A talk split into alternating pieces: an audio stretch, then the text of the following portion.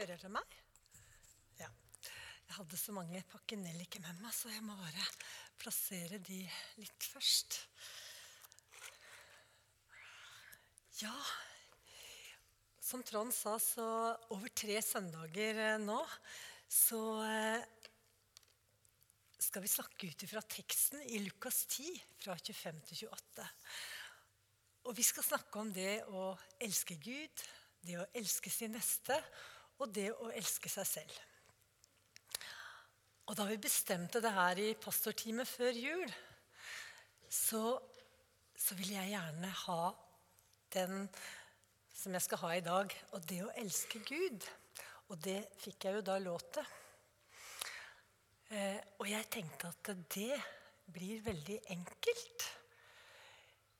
Men jeg har ikke syntes det har vært så enkelt når jeg har forberedt meg på det. Fordi det er jo nettopp det å elske og bli elsket vi kanskje strever aller mest med. Samtidig som det er det vi lengter aller mest etter. Kjærligheten er det største. Den vil alltid bestå. Det kan vi lese om i 1. Korinterne 13. Gud er kjærlighet. Og ingenting er så grunnleggende viktig for oss mennesker som kjærlighet. Men så er det sånn at det, uansett hvor gode mennesker du har hatt i livet ditt, så tror jeg vi alle i en eller annen form kanskje har opplevd litt brist på det her med kjærlighet. Derfor kan det også være litt sårt å snakke om det. Fordi våre følelser rundt det vil være farga av det livet vi har levd, og vi, de erfaringene vi har gjort, på godt og vondt. Og det kan også være med å farge hvordan vi opplever det er å skulle elske Gud. Og der har vi også forskjellige erfaringer. Og jeg har vel egentlig kjent veldig på det at jeg har ikke lyst til å bare komme med en sånn enkel oppskrift på du skal elske Gud, og der, der, der, fem punkter. Det har jeg liksom kjent at det, det blir ikke riktig.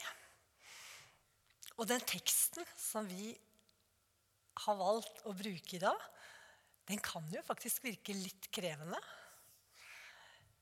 Men den er også veldig vakker. Og vi skal lese den sammen, og så skal vi se på det som står der sammen. Og så skal vi se hva vi får ut av det. Ja. Jeg, fått, jeg er så heldig å ha en medhjelper. Så da skal den komme opp på skjermen. Og det er Lukas 10 fra vers 25 til vers 28. Der står det Da sto en lovkyndig fram og ville sette Jesus på prøve. Mester, sa han, hva skal jeg gjøre for å arve evig liv? Hva står det skrevet i loven, sa Jesus. Hvordan leser du? Han svarte, du skal elske Herren din Gud av hele ditt hjerte, av hele din sjel, av all din kraft og av all din forstand, og din neste som deg selv. Da sa Jesus, 'Du svarte rett. Gjør det, så skal du leve.' Denne teksten den rører ved det største og det viktigste i livet. Den rører ved det livet er skapt til å være, nemlig et kjærlighetsfellesskap til den treenige Gud og til mennesker. Fordi det er dypest sett kjærligheten som gir livet mening. Og jeg har satt som første punkt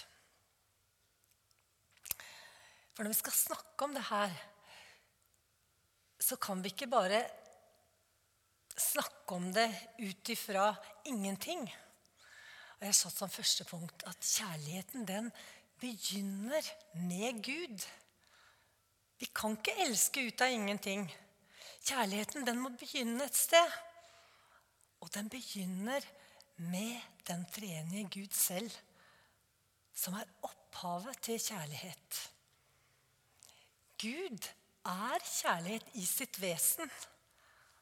Og vet du hva? Derfor så er han ikke aleine. For kjærligheten, den har det i seg at den må gi. Så Gud, han er én i tre. Det er Gud Faderen, det er Gud Sønnen Jesus Kristus, og det er Gud Den hellige ånd. Vi kan si at de tre de utgjør en trekant inni i en sirkel. Som symboliserer helhet og enhet. Her er det tre som lever i en sånn ubrytelig enhet og som hele tiden søker hverandres beste.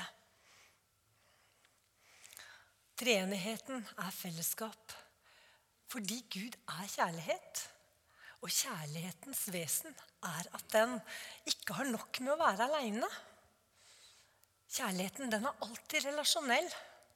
Den strekker seg alltid mot den andre.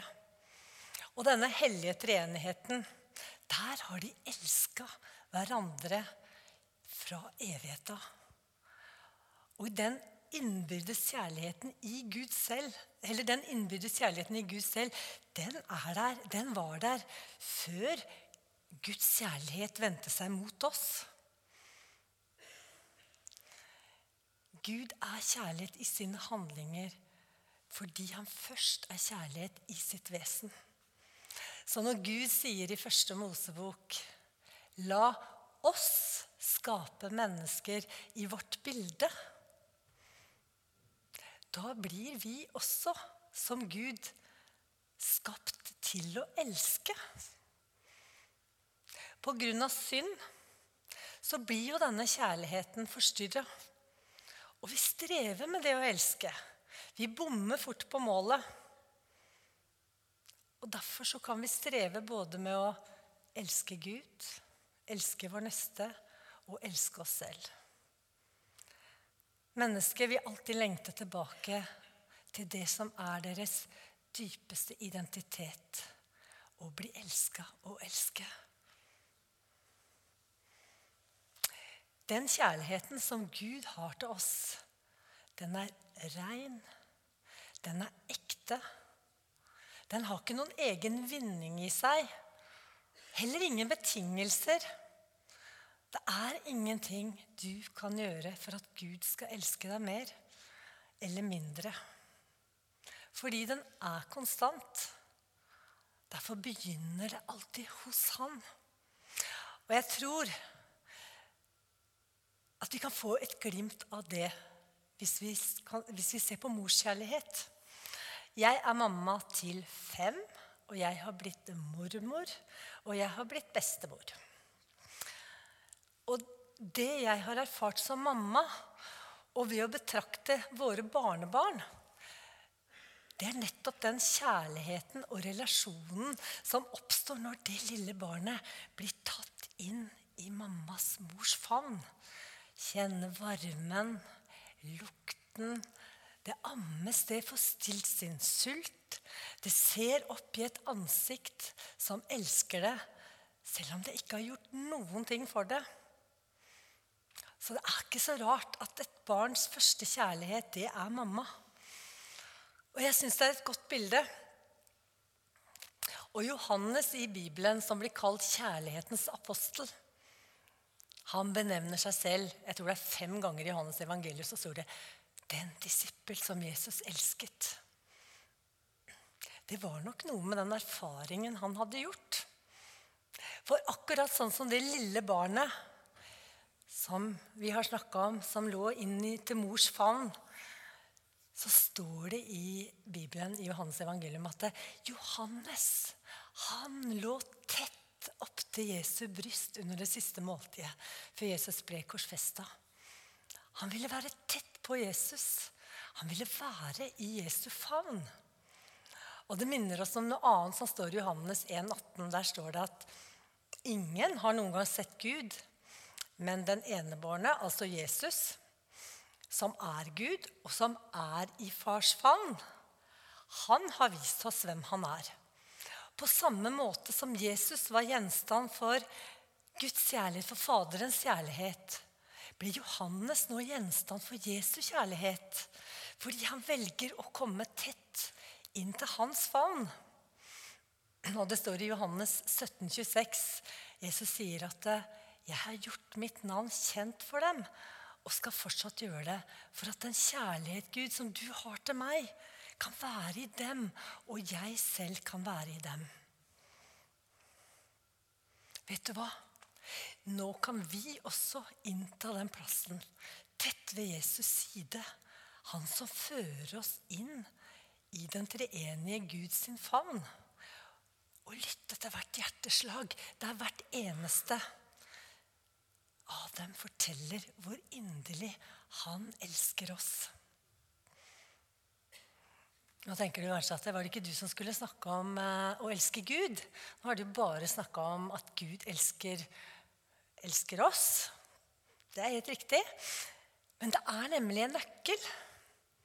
Johannes han sier det selv i sitt første brev, i kapittel 4, 19, så sier han at vi elsker fordi han elsket oss først. Og i vers 10 så står det i 1. Johannes 4 så står det at ja, dette er kjærligheten. Ikke at vi har elska Gud, men at Han har elska oss og sendt sin sønn som soning for våre synder. Det skal ikke bli så vanskelig å elske Gud. Det begynner hos Gud, som i kjærlighet strekker seg mot oss. Jeg vil si, Det er ikke et krav at du skal elske Gud. Det begynner med Gud. Han har gjort det mulig for deg å velge å elske Han. For du er skapt med evnen til å elske. Først og fremst å elske Gud. Og i dette kjærlighetsfellesskapet med den treenige Gud der tror jeg det blir lettere å både elske sin neste og elske seg selv. For kjærligheten har det i seg at den blir ikke bare innkrøkka i seg sjøl. Og jeg tror at jo mer vi våger å nærme oss denne kjærligheten og erfare den, så er den uimotståelig. Det er som å komme hjem. Et sted hvor du vet at du alltid har hørt til. Vet dere hva? Vi trenger å virkelig erfare å bli elsket og å elske. Vi kan nevne mange personer i Bibelen som fikk et møte med Jesus. Og hva kjennetegner dem? Jo, jeg tror det er nettopp akkurat det her at de ville være tett på ham. Og i Lukas 10, som vi har, lest, har tatt teksten vår fra i dag, litt lenger ut i det kapitlet, så finner vi historien om Martha og Maria. Og Marias første prioritet det var jo å være nær Jesus. Sitte ved hans føtter og lytte til hans ord. Jeg tror hun elska Jesus fordi hun hadde erfart hans kjærlighet til henne. Og da Martha klager på søsteren sin at ikke hun hjelper til, så sier Jesus veldig tydelig Men ett, men ett er nødvendig. Maria hun har valgt den gode del, og den skal ikke tas fra henne. Og det er ikke sånn at Gud har noen favoritter som han elsker mer. Alle har de samme rettigheter innenfor far gjennom Jesus Kristus. Maria hun hadde gjort en erfaring i møte med Jesus. Og det kan du også gjøre. Strever du med å forstå Guds kjærlighet til deg, så er et godt råd å tenke etter hvordan Gud har vist sin kjærlighet i praksis. I skapelsens mange under i historien, i Jesus Kristus og i ditt eget liv. Når du tenker etter, så tror jeg at han vil vise deg at han har vært der. Selv om du ikke ser hele bildet, og selv om ikke ting ble som du hadde tenkt. Jeg tror faktisk det er veldig mye i den eh, historien som du sikkert har hørt mange ganger om fotsporene i sanden. Og jeg har lyst til å lese den. Og den er sånn En natt hadde en mann en drøm. Han drømte at han spaserte langs stranden sammen med Herren. Over himmelen kom bilder av livet hans til syne. For hvert bilde så oppdaget han at det var to spor i sanden. Det ene var hans egne, og det andre var Herrens. Da det siste bildet for forbi over himmelen, så han tilbake på fotsporene i sanden. Han la merke til at mange ganger i livets løp var det bare ett par fotspor. Da oppdaget han også at det var jo de gangene i livet hvor livet hadde vært vanskeligst og mest smertefullt. Dette forsto han ikke, så han spurte Herren. Herre, du sa jo en gang at da jeg bestemte meg for å følge deg, ville du alltid gå med meg og aldri forlate meg. Men nå ser jeg at da min nød var størst og livet mitt vanskeligst å leve, da er det bare ett par fotspor. Jeg forstår ikke hvorfor du forlot meg da jeg trengte deg mest. Da svarte Herren, mitt kjære, dyrebare barn, jeg elsker deg og vil aldri forlate deg. De gangene i livet ditt da prøvelsene og lidelsene dine var størst, og du bare kan se ett spor i sanden, det var de gangene jeg bar deg i armene mine. Jeg tror Gud kan vise oss noe av dette. Men da er det lurt å møte Gud i åpenhet. Og jeg tror når vi ber, ber og tenker etter, så tror jeg Gud vil vise oss at han har vært der. Så hvordan skal vi elske Gud, da? Det er punkt nummer to. Hvordan skal vi elske Gud? Tilbake til teksten. Der står det Du skal elske Herren din Gud av hele ditt hjerte, hele din sjel, all din kraft, all din forstand og de neste som deg selv. Gjør det, så skal du leve. Hvorfor står det så kraftig? Hvorfor står det ikke bare at eh, 'elsk Gud så godt du kan'? Vi mennesker vi er skapt til å elske. Elsker vi ikke Gud, vil vi elske noe annet. Å elske noe handler om hvor har jeg mitt fokus? Hva er det jeg gir min mest oppmerksomhet og tid? Man kan elske jobben sin, pengene sine, tingene sine, venner, familie, hobbyer, utseendet sitt. Man kan kanskje også si at noen nesten elsker bekymringene sine. Og dette sier jeg fordi hvis alt dette og mye mer som jeg kunne nevnt, tar all vår oppmerksomhet, så har jeg bomma på det som jeg er skapt til å elske mer, mest. Den treenige Gud, og som kan hjelpe meg. Så jeg ikke blir bare fokusert på alt annet. David han sier noe interessant i Salme 25, 15. Han sier at 'mine øyne er alltid vendt mot Herren'. For han drar føttene mine ut av garnet. Denne fulle oppmerksomheten på Han som elsker meg og har skapt meg til å elske, hjelper meg til å ikke la blikket flakke.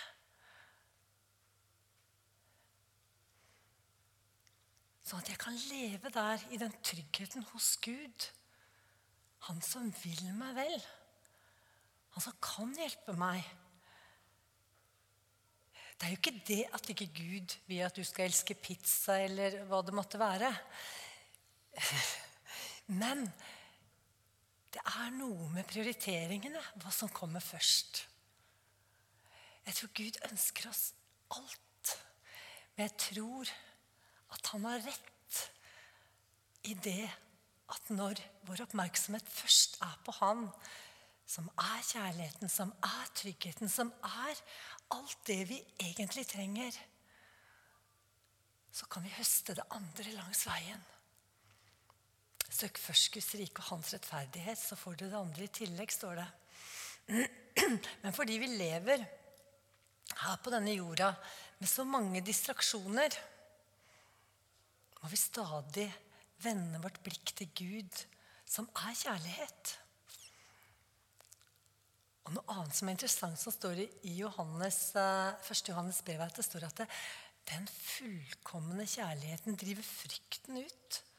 For frykt er ikke i kjærligheten. Og jeg skal innrømme at jeg kan ofte kjenne på frykt, og jeg kan kjenne på bekymring.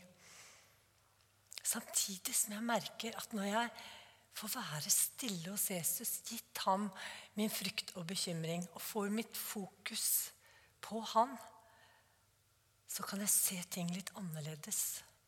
Det skjer noe i meg i det møtet med han, hvor jeg kjenner at jeg får være i hans favn. Og jeg tenkte, Kanskje var det David også opplevde når han hadde sine øyne vendt mot Herren. Da ble føttene hans dratt ut av garnet. Ser dere bildet? Å elske Gud er ikke et krav, men noe du kan velge fordi han har gjort det mulig for deg. Fordi han elska deg først. Det å løfte din kjærlighet og ditt blikk høyere enn deg selv og dine ting, det gir deg også mulighet til å erfare mer av den treenige Gud sin fullkomne kjærlighet. Den kjærligheten som driver frykten ut. Den kjærligheten som gjør at du er som et barn som hviler hos din pappa i himmelen. Jeg begynte med å si at Gud er tre i én. Det er en sirkel hvor de er opptatt av å heie på hverandre. Men den sirkelen, den er ikke lukka. Du blir invitert til det fellesskapet som vi snakka om. Mellom Gud, Gud Fader, Guds Sønn og Den hellige ånd. For den sirkelen den er åpen mot deg. Og meningen med livet er å komme inn i denne store sammenhengen, inn i den sirkelen. At, han, at vi blir i han, og han blir i oss. Inn i kjærlighetens hus, kan vi kalle det. Det er i dette huset vi skal leve. Det er der vi virkelig er hjemme. Det er ut fra det ut fra det stedet vi kan leve våre liv i trygghet og i fred midt i alle omskiftninger. Derfor så måtte Jesus komme og dø for våre synder og stå opp igjen til vår rettferdighet. Så vi kunne komme hjem der hvor vi virkelig hører hjemme. For så høyt har Gud elsket verden, at han ga sin sønn den eneste, for at hver den som tror på ham, ikke skal gå fortapt, men ha evig liv. Og for å sitere kirkefader Augustin Gud, du har skapt oss til deg, og vårt hjerte er urolig til det finner hvile i deg. Å elske Gud, det er å være nær Gud.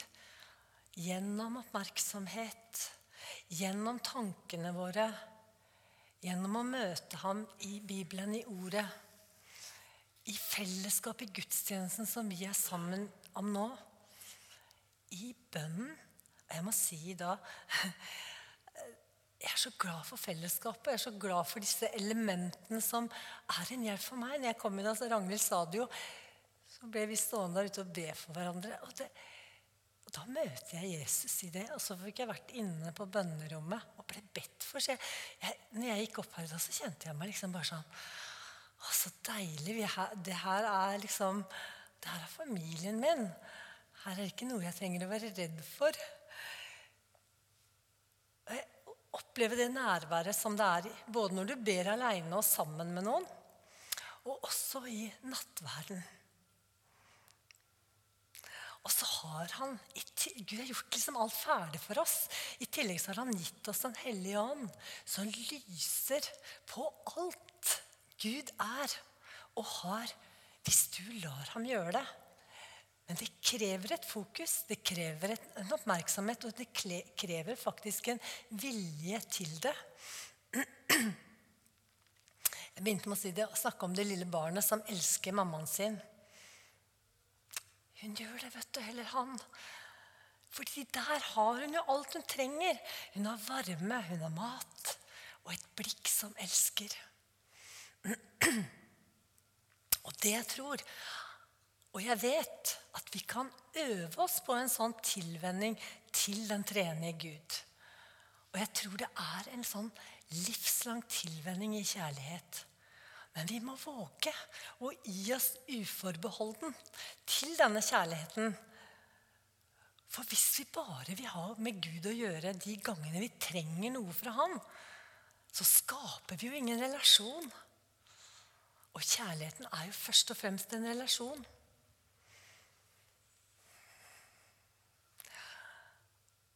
Å få si noe om de tinga jeg har sagt noe om i dag, er faktisk det som alltid Fra jeg ble kjent med Jesus Alltid det som har ligget meg nærmest på hjertet.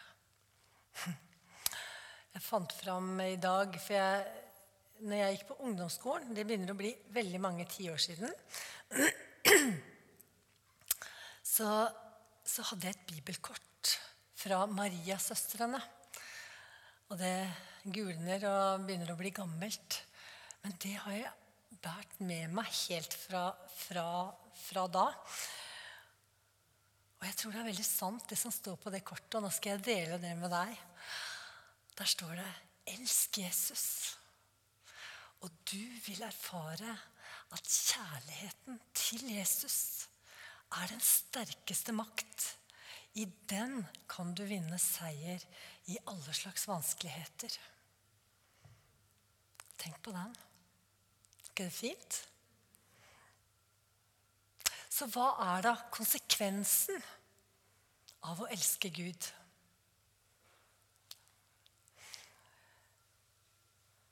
Teksten i Lukas den begynner jo med det spørsmålet fra den lovkyndige som, eh, som spør hva skal jeg gjøre for å få evig liv.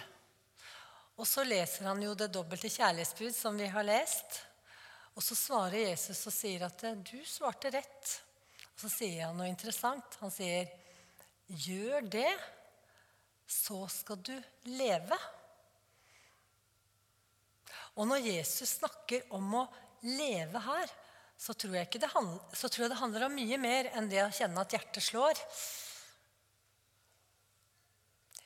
Jeg tror at når vi kommer inn i dette kjærlighetsfellesskapet med den trenige Gud, og erfarer å bli elsket og elske Gud tilbake, så blir du kjent med Guds type liv. Og alt hva det innebærer.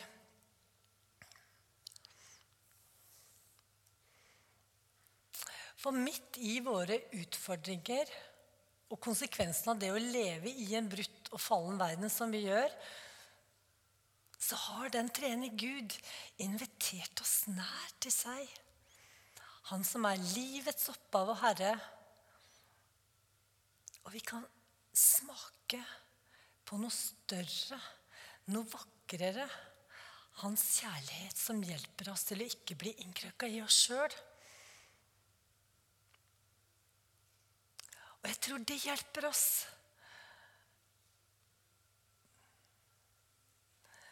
Så vi igjen kan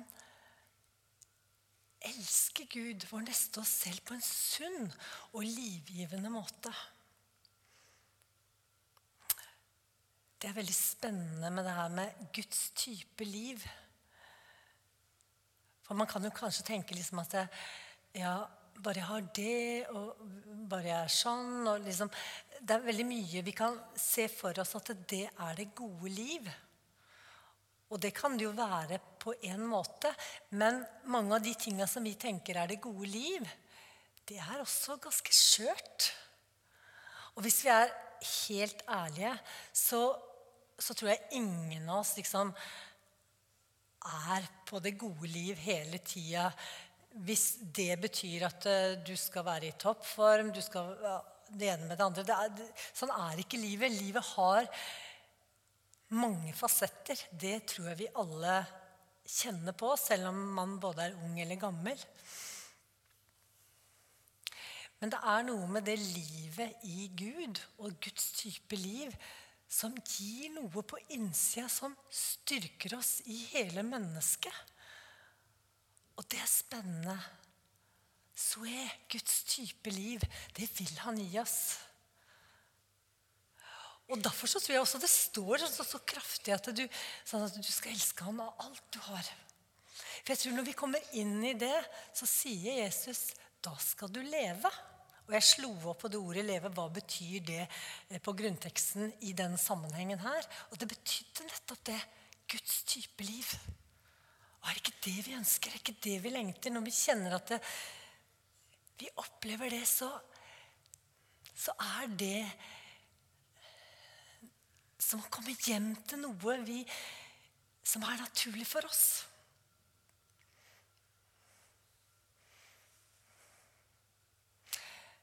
Kjærligheten er det dypeste i livet.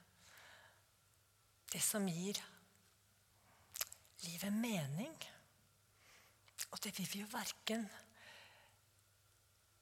unngå eller det, det vil vi jo ha. Og jeg tror det er viktig å se, si det at det, Gud, han Som det står i den sangen Gud tar ikke glansen av livet. Han gyller den morgen og kveld.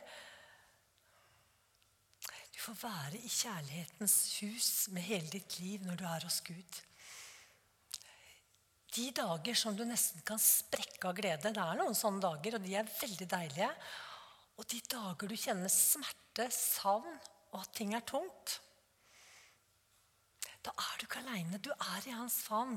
Han elsker deg, og du kan velge å elske ham tilbake.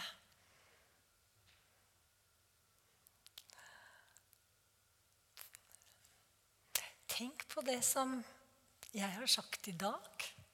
Så håper jeg at du vil trenge deg nært inn til Jesu bryst.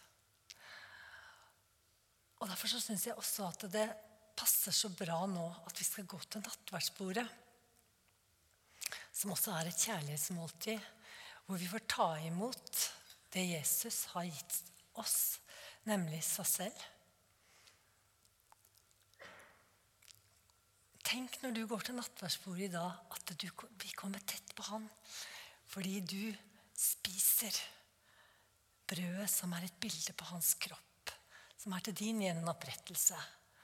Du drikker av kalken, som er et bilde på hans blod, som blir utgitt for dine synder, til tilgivelse, til din rettferdighet. Det er en måte også å komme tett på. Og er det sånn at du har lyst til at noen skal be for deg etter du har vært til nadværsbordet, så vil det stå folk ved globen. Det er noe fint med det fellesskapet hvor vi kan legge hendene på hverandre, hvor vi kan ha omsorg for hverandre. Vi trenger det. Vi er bare vanlige mennesker som trenger Gud, og vi trenger hverandre. Så da vil jeg si velkommen til Bjørnar, som skal forrette i nattverden.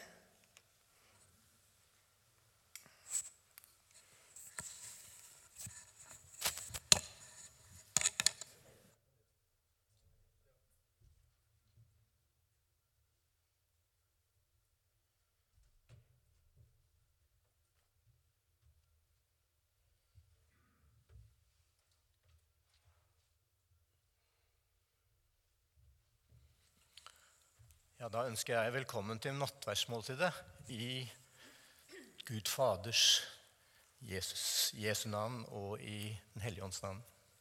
Nå, Jeg ba Arvid nå å, å synge den um, 'Kom til måltid'. Mm? Bare, bare vær med hvis dere kan den.